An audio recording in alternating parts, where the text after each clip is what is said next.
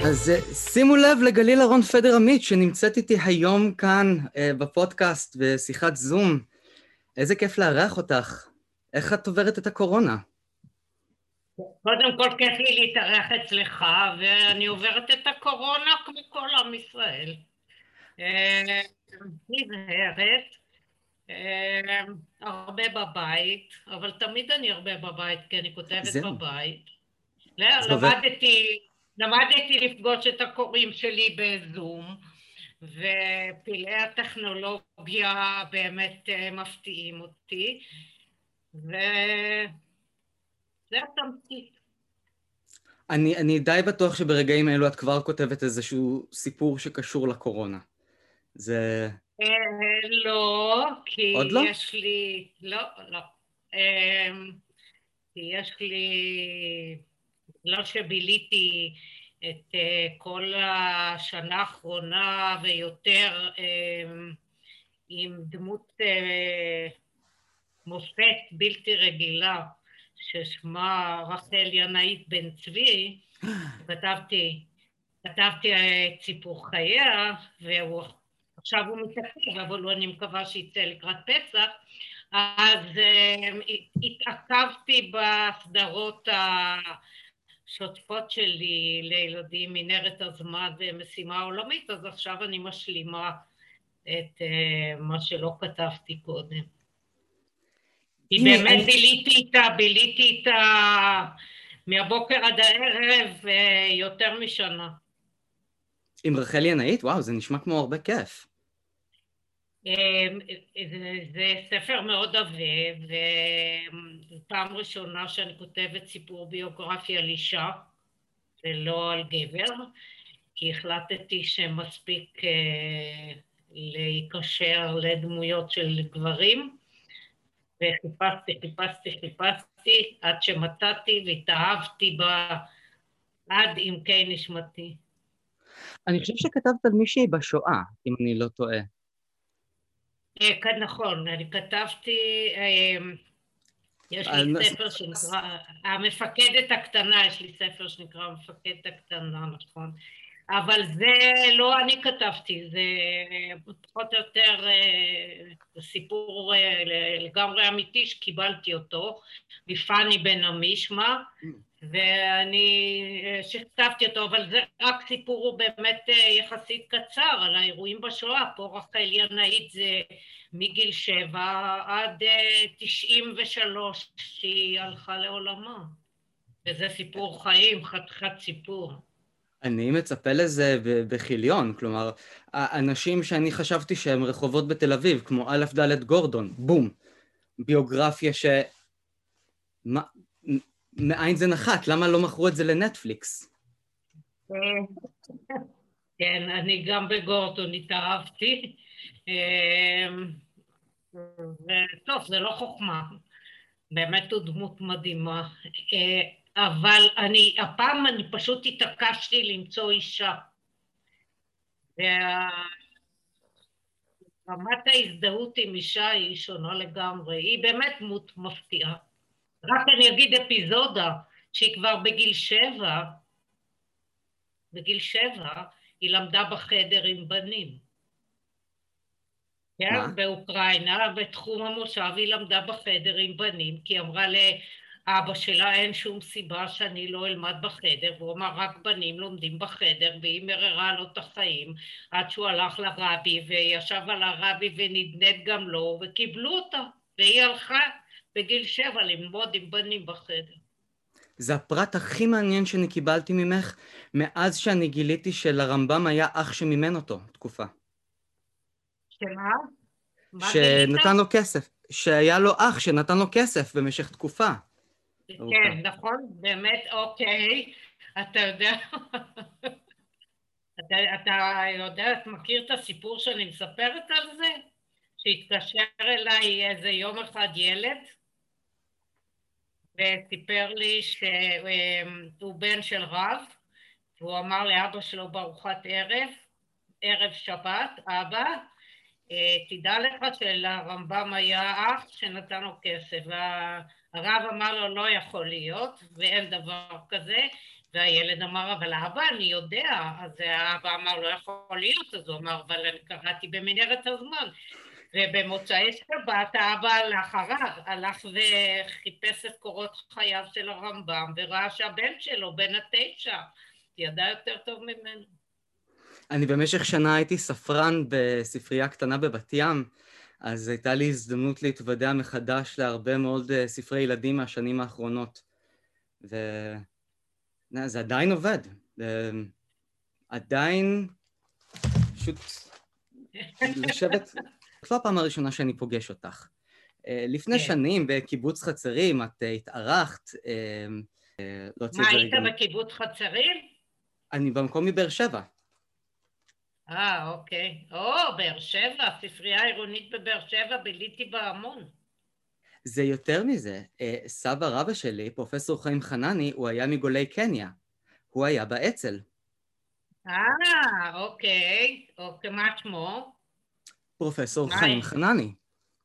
אה, אוקיי. אני כתבתי גם על גולי קניה במנהרת הזמן, בסיפור אה, בריחתו של יעקב מרידור.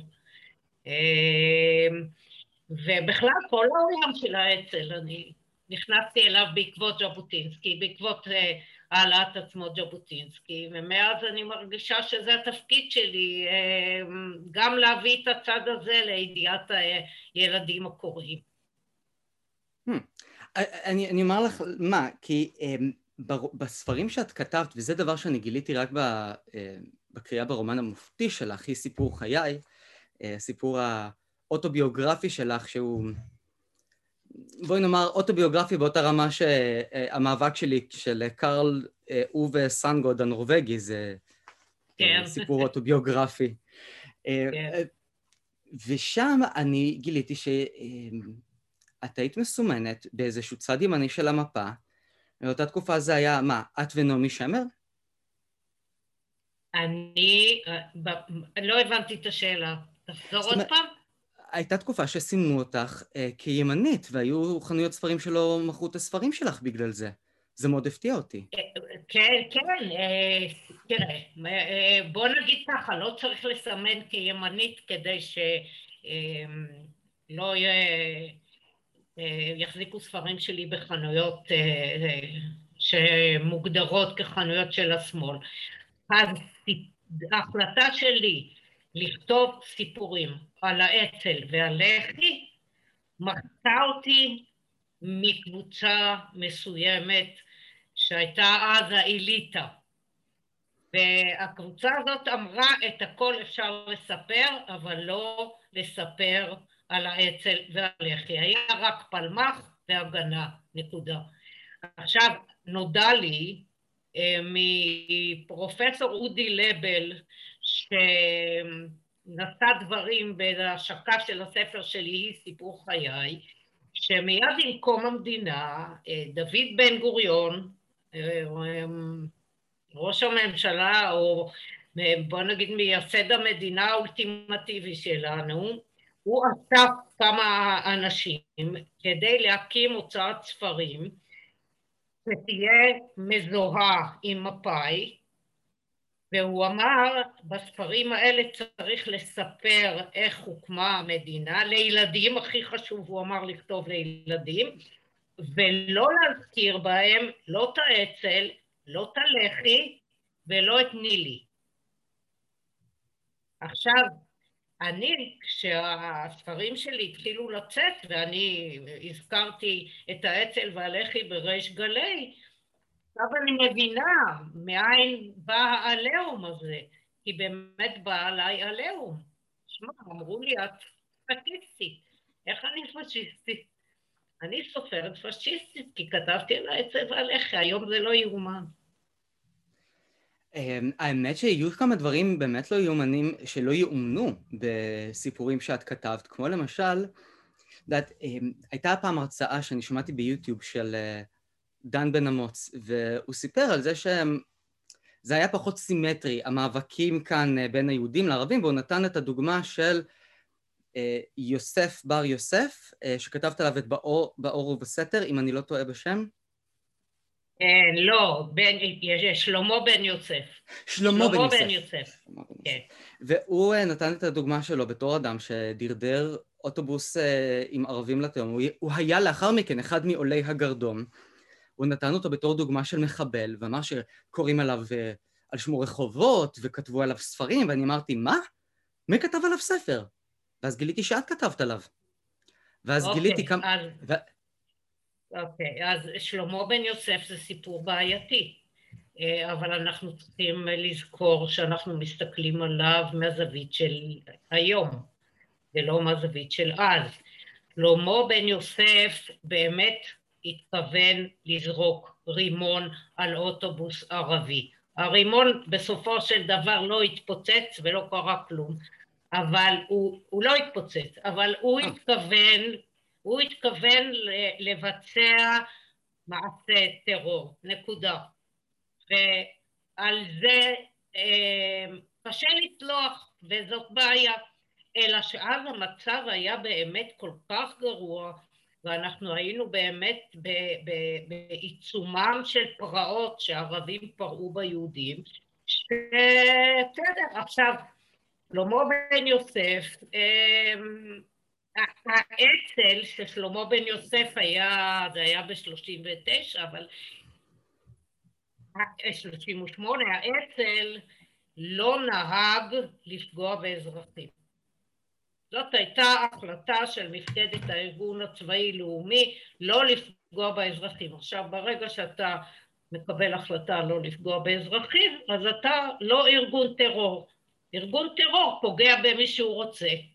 אבל אה, לוחמי חופש פוגעים באנשי צבא ובלוחמים, ככה מתנהלת מלחמה. אבל אני מודה ששלמה בן יוסף זה סיפור בעייתי, וזה שז'בוטינסקי אמר אני לא נתתי לך את הפקודה לעשות את מה שעשית שלמה בן יוסף, אבל עכשיו אחרי עלותך לגרדום אני נותן לך את הפקודה הזאת, זה היה איזה רגע כנראה של באמת של סערת נפש חזקה מאוד, כי ז'בוטינסקי לא היה בעד לפגוע באזרחים. כן, אני, אני אומר ככה, אה, בן גוריון, זה היום אני יודעת כי אני די מתעמקת, התעמקתי בו בזכות רחל ינאית. רחל ינאית, יצחק בן צבי, הם היו חברים מאוד מאוד קרובים. אה, אז בן גוריון, הייתה לו באמת התכונה שהוא אמ, מי שקצת אמ, אה, פגע בו או קצת הלך בדרך אחרת, הוא שנא אותו. והוא שנא אותו אז הוא רצה למחוק אותו. אפילו, או שהוא חשב שהוא מתחרה בו, אפילו את חיים ויצמן, כן?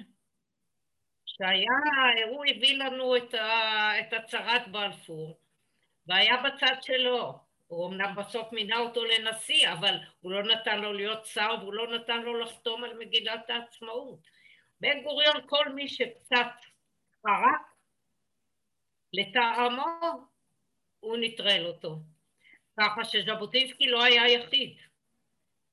ז'בוטינסקי ממש לא היה יחיד. אני חשבתי, אני באתי כאילו בידיעה שז'בוטינסקי היה יחיד, אבל, אבל אה, זה מעניין, אני, אני דרך עיניה של רחל ינאית ראיתי את התכונה הזאת, אה, והיא מאוד כיבדה את בן גוריון והכול, אבל אה, את התכונה הזאת אצלו היא מאוד לא אהבה.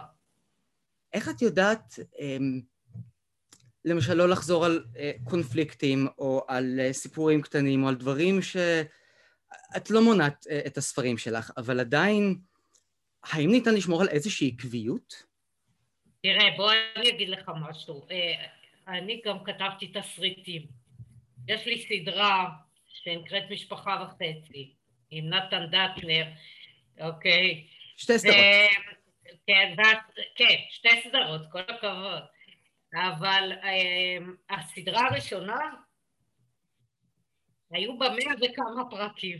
עכשיו, כדי לכתוב, ואני כתבתי אותה לבד, לבדי. עכשיו, כדי לכתוב סדרה כזאת שהיא אה, על אותם גיבורים בערך באותו לוקיישן, זאת אומרת בסדרת אולפן עם קצת יציאות החוצה, הייתי צריכה לגלגל את הדמיון שלי ולפתל את העלילה בצורה שבוא נגיד לפעמים הייתה מלאכותית.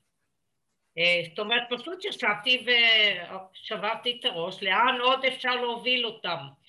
כי אם היו אומרים לי, גלילה, נגמרה הסדרה, אז הייתי אומרת, בסדר, נג... אבל אז אמרו לי, אבל נתנו לנו עוד 28 פרקים. אמרתי, ריבונו של עולם, 28 פרקים, מה אני אעשה? איך אני אמציא עכשיו? לאיזה כיוון אני אקח אותם? זה מעולם לא קרה לי בספרים. מעולם לא, כי הספרים שלי שהם מתקדמים עלילתית, כרונולוגית, כמו אל עצמי, שזה מלווה את סיפורו של ציון כהן מאז שהוא נגיד בן 11 עד שהוא מתגייס לצבא. אחרי הספר העשירי אמרתי גמרנו, לא מורחים את זה.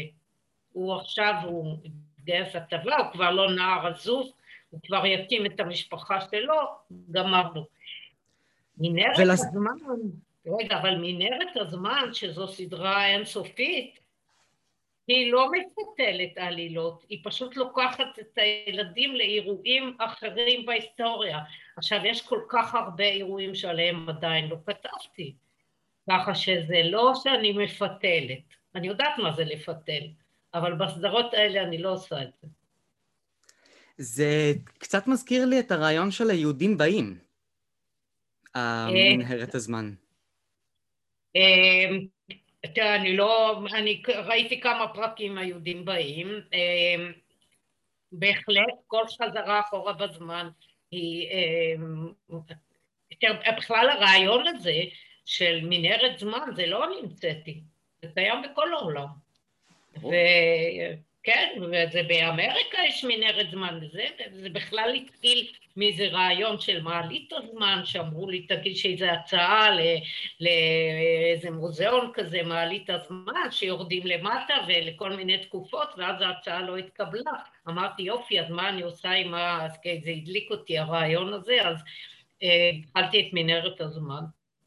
אה, כן, כל, החוכמה במנהרת הזמן זה באמת למצוא את האירועים ולבנות את העלילה ככה שבסופו של יום הילד שקורא את הספר ידע יותר טוב מההורים שלו ויותר טוב מהמורים שלו על האירוע שבו הוא בילה בשעות הקריאה.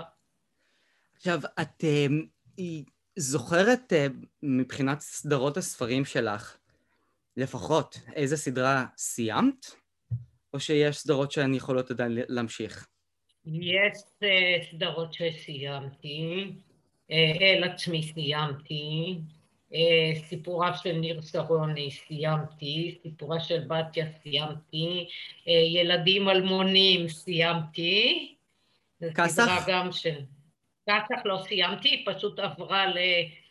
לא, היא עברה להיות חבורת ידיעת הארץ, אמ, ואני משכתבת אותה, וגם יוצאים ספרים חדשים, בשם חבורת ידיעת הארץ, מהסיבה הפשוטה שבמשך הזמן אמ, כסח הובן, המילה כוח סיירות חוקר, שזה כסח, והשם הזה הובן לא נכון, והרבה חשבו שמדובר בסדרה אלימה, שבה באים לכסח מישהו, כן. ואז החלטתי שלא אני היא זו שתתרום לאלימות שקיימת בחברה, ואמרתי נשנה את השם במקום פסח, כוח סיירות חוקר, חבורת ידיעת הארץ. זה עדיין אה, ממשיך, אמנם באיטיות רבה, פעם בשנתיים שלוש יוצא ספר, אבל קשה לי להגיד שסיימתי, כי יש עוד לאן לטייל. אה, מניח שגם טולי תעלולי ממשיך? טולי תעלולי נמשך. או. כן. כן. אה, וגם ג'ינג'י. וגם ג'ינג'י, שזה הסדרה... טוב, אני חושב שמנהרת הזמן עקפה מבחינת כמות הספרים בג'ינג'י, לא כן, סופרים. כן, כן. לא כן, לא סופרים, לא, אבל על ה... כמה ספרים הופיעו בסדרה, סדרות ממוספרות. אז אה, כן, מנהרת הזמן, מנהרת הזמן גורמת לי, בוא נגיד, הכי הרבה סיפור.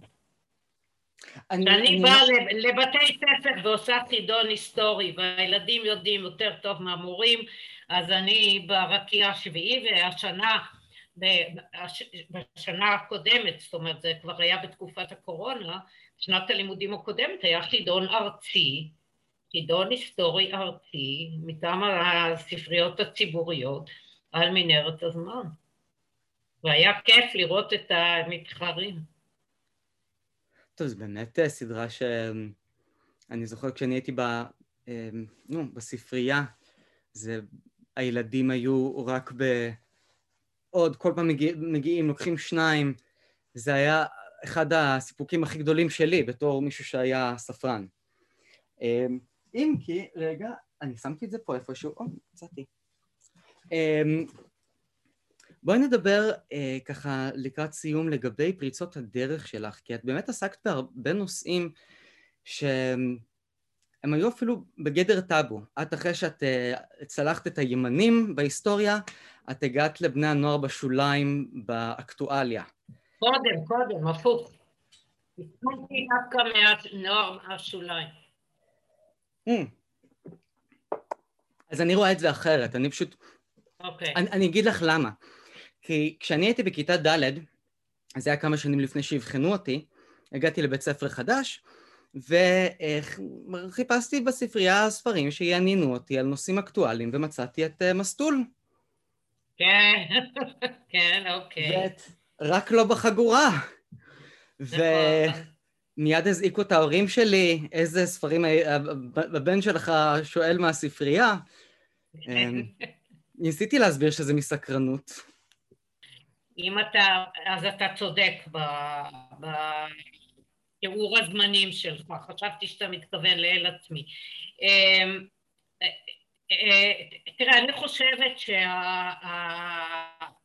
הנכונה להביא את הנושאים האלה זה דרך סיפורים.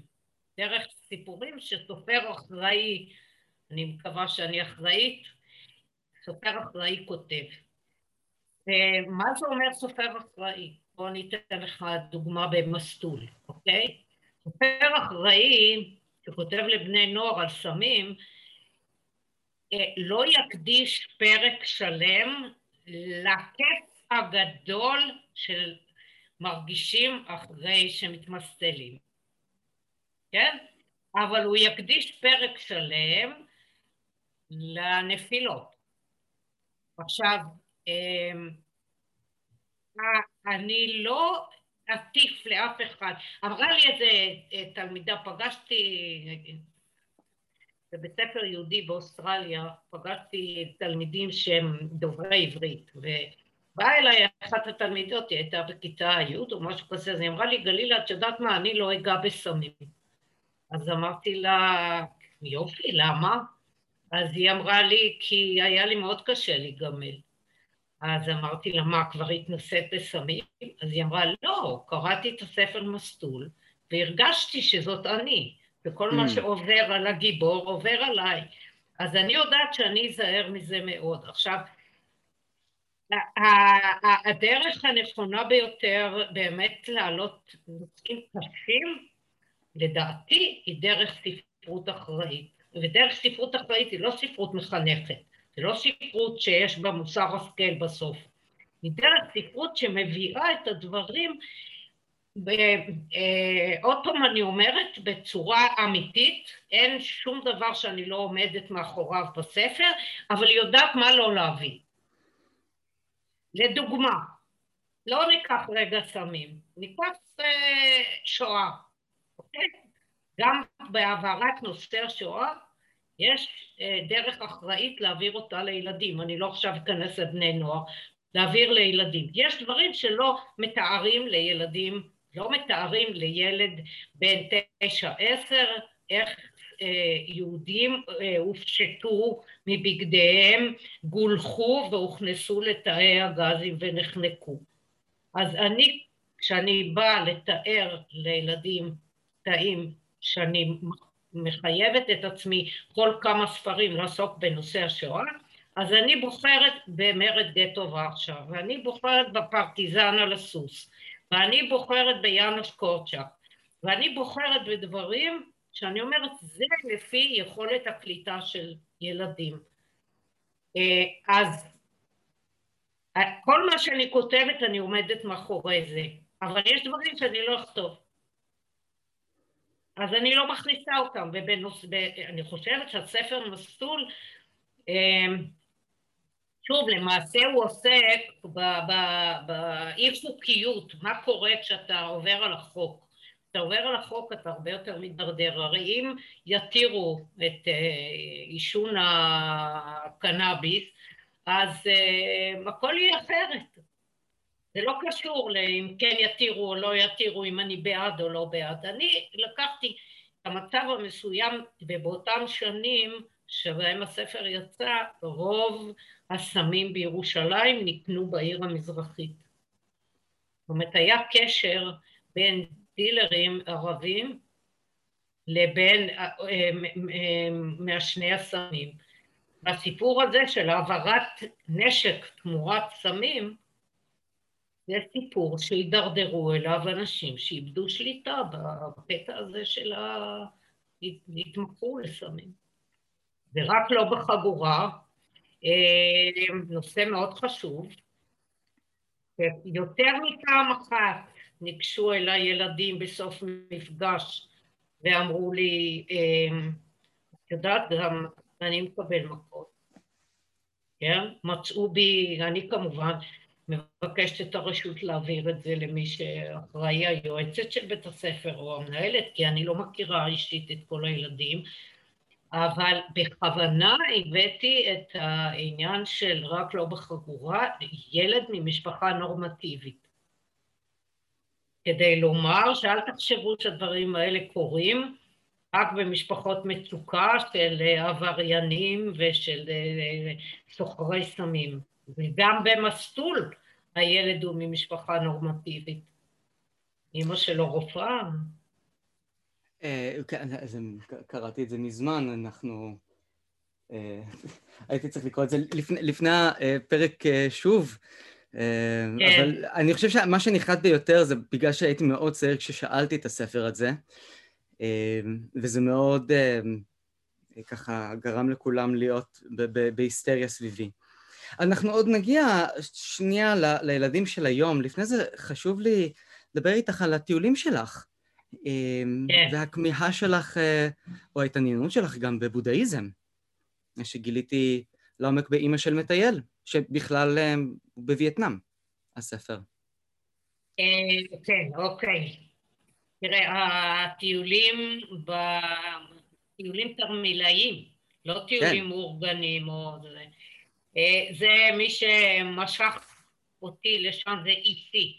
אני למדתי מרחל ינאית להגיד אישי ולא בעלי, כן? כי היא אמרה אני אשתו והוא אישי. אה, למרות שהיא, אתה יודע, היא לא שרפה חזיות ושום דבר, היא הייתה פמיניסטית ברמות ביצוע. הייתה אישה שממש לא ראתה הבדל בין, באמת בין גבר לאישה, והוכיחה את זה בחייה. אז אישי הוא שוחר טיולים, והוא משך לכל הטיולים האלה, והוא משך לכיוון המזרח, ובזכותו, אני חייבת לו את זה, בזכותו באמת אמ, הגעתי, אה, בואו נגיד, כמעט לכל הארצות הבודהיסטיות שיש בעולם. אמ, וכיוון שאני מתעניינת, התעניינתי בבודהיזם כבר מקדמת דנא, אז אה, זה הוביל אותי למסע מאוד מעניין, שבסופו הגעתי למבוי סתום, כי הבודהיזם אה, למעשה, אם אני אתמצת את זה, בלי לתת פה הרצאה אה, ארוכה, אז אם אני, הבודה בעצם אמר ככה, החיים הם סבל, הוא התכוון לסבל מנטלי. הוא אמר, יש מחלה, יש זקנה, יש, יש עוני, יש... אז החיים הם סבל מנטלי, יש סיבות לסבל, הוא מונה את הסיבות, יש דרכים להימנע מהסבל, או לפתור את בעיית הסבל, והנה הדרכים. עכשיו, אם אני אגיד את זה בציניות, אז הוא אמר, הנה הדרכים, החיים הם סבל, יש סיבות לסבל, יש דרך להימנע מהסבל, אל תחיו. בעצם. לסיכום, הוא אמר, צמצמו את החיים שלכם, תשאפו לכמה שפחות, אז לא תתאכזבו. תיקשרו לכמה שפחות דברים, אז לא תתאכזבו. תחיו כמה שפחות, לא מבחינת זמן, אלא מבחינת להתרחב ולהתפתח, ואז באמת אה, לא יהיו לכם ציפיות שיתנפצו על אה, סלע המציאות. אני את הפתרון למבוי הסתום הזה מצאתי בגורדון. באמת? כן, כי גורדון, גם הוא הכיר, תראה, גורדון גם מבין שהחיים הם מלאי סבל. אה, והוא,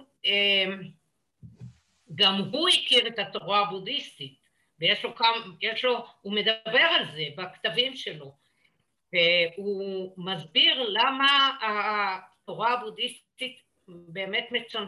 כאילו לא מובילה לפתרון, כי היא לא תורת חיים, היא לא, היא לא... גורדון מדבר על צמיחה, והבודהיזם מדבר על צמצום.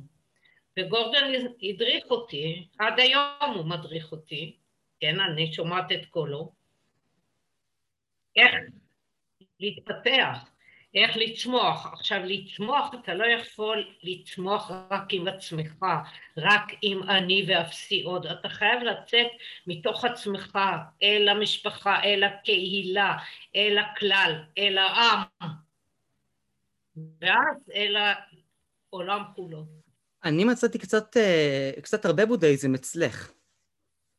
יש אצלי הרבה בודהיזם, כן. אני אגיד לך למה, אני אגיד לך מאיפה הנקודה שלי.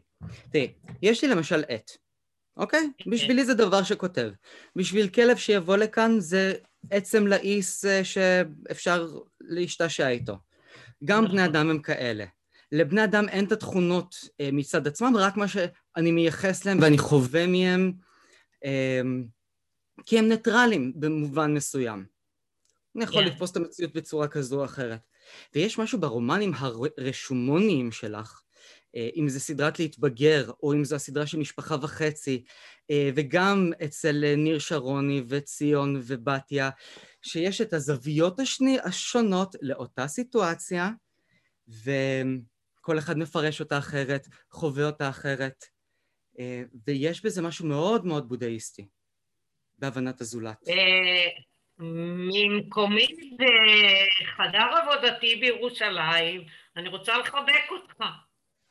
כי עכשיו אמר... אתה מוכן? אוקיי.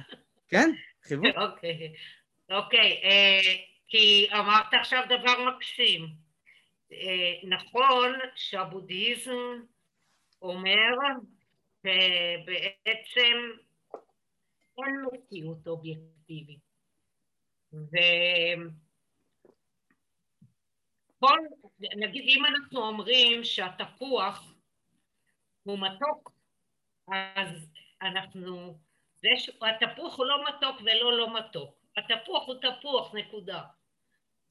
כחותו של התפוח, הם משתמשים במילה כחות, כחותו של התפוח היא תפוח, אבל אני מייחסת לו מתיקות, אבל מישהו אחר יגיד הוא גדול, עכשיו, למה הוא גדול? הוא יחסית לתפוח הקודם שאכלתי, הוא גדול, אז אני מייחס לו את הגודל שלו. עכשיו, אני כבן אדם שבאמת רואה אה, במיוחד בני אדם מהמון זוויות שונות. זאת אומרת, קשה לי מאוד, אה, אתה מבין, כדי לשנוא מישהו, אתה צריך לראות אותו רק מזווית אחת. עכשיו, כדי לכעוס על מישהו, אתה צריך לראות אותו רק מזווית אחת.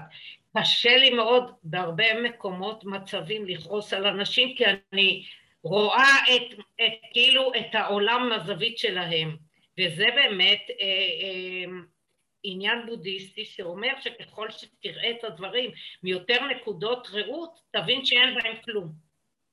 בסופו של דבר אין בהם כלום. אבל זה עוד הרבה לפני שהתעמקתי בתורה הבודהיסטית, הייתה לי הנטייה הזאת לראות דברים מנקודות ראות שונות, וזה קשה לחיות ככה. אני מבין אותך לגמרי, ולך יש את המזל שאת יכלת ל... ל... אמ, להפוך את זה לספרים ולכתיבה, ואני יודע שברומן שלך היא סיפור חיי, זה גם קצת משתלט עלייך לפעמים, אבל uh, זה דרך טיעול שרק אפשר להתקנא בה. לא צריך לקנא בי. לקנא בטח לא. אה, אנחנו יכולים לדון... תשמע, תשמע, תשמע, בוא אני אגיד לך משהו. אני יושבת, אה, אני, יושב, אני עומדת באולם מול תלמידים, אוקיי? ואני מדברת ומספרת להם, ומולי יושב תלמיד ומפהק. ואני באותה שנייה הופכת להיות התלמיד הזה, ואני אומרת לעצמי, עכשיו הוא אומר לעצמו, מה האישה הזאת מספרת סיפורים כאלה? מה, את מי זה מעניין? את מי זה זה? מתי כבר יהיה הצלצול?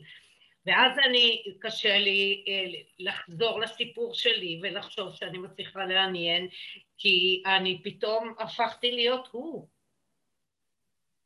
כשמישהו מפריע לי, הרבה פעמים אני רואה את עצמי מהזווית שלו, ואני אומרת, נכון, נו, מה התוצאה ממנו? זה מה שהוא מרגיש עכשיו. זה לא פשוט.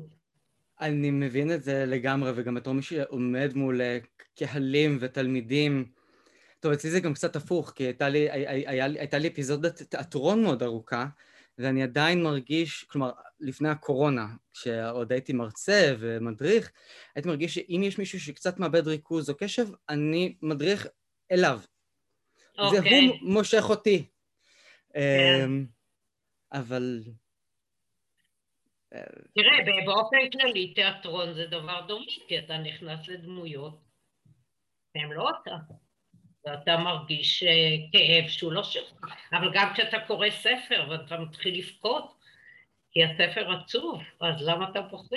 אתה, הרי זה לא אתה. לא אימא שלך עזבה אותך ברחוב, זה אימא של הגיבור של הסיפור, אז מה אתה בוכה? אבל זה ההזדהות. אני חושבת שככל שנזדהה יותר, נהיה אנשים טובים יותר. אמן ואמן. וואו, גלילה, זאת הייתה שיחה מדהימה, ותודה רבה רבה לך. תודה אה, לך, אתה אמרת לי היום משפט שהוא פשוט... אה, קשרת בין הנטייה שלי לראות דברים מזוויות שונות בכתיבה לבין הבודהיזם, זה משהו שלא חשבתי עליו. בשמחה רבה, בשביל זה הפודקאסט כאן. אה, תודה רבה לך. תודה לך, וחג אורים שמח. חג אורים שמח. ושנגמור עם הקורונה. אמן ואמן.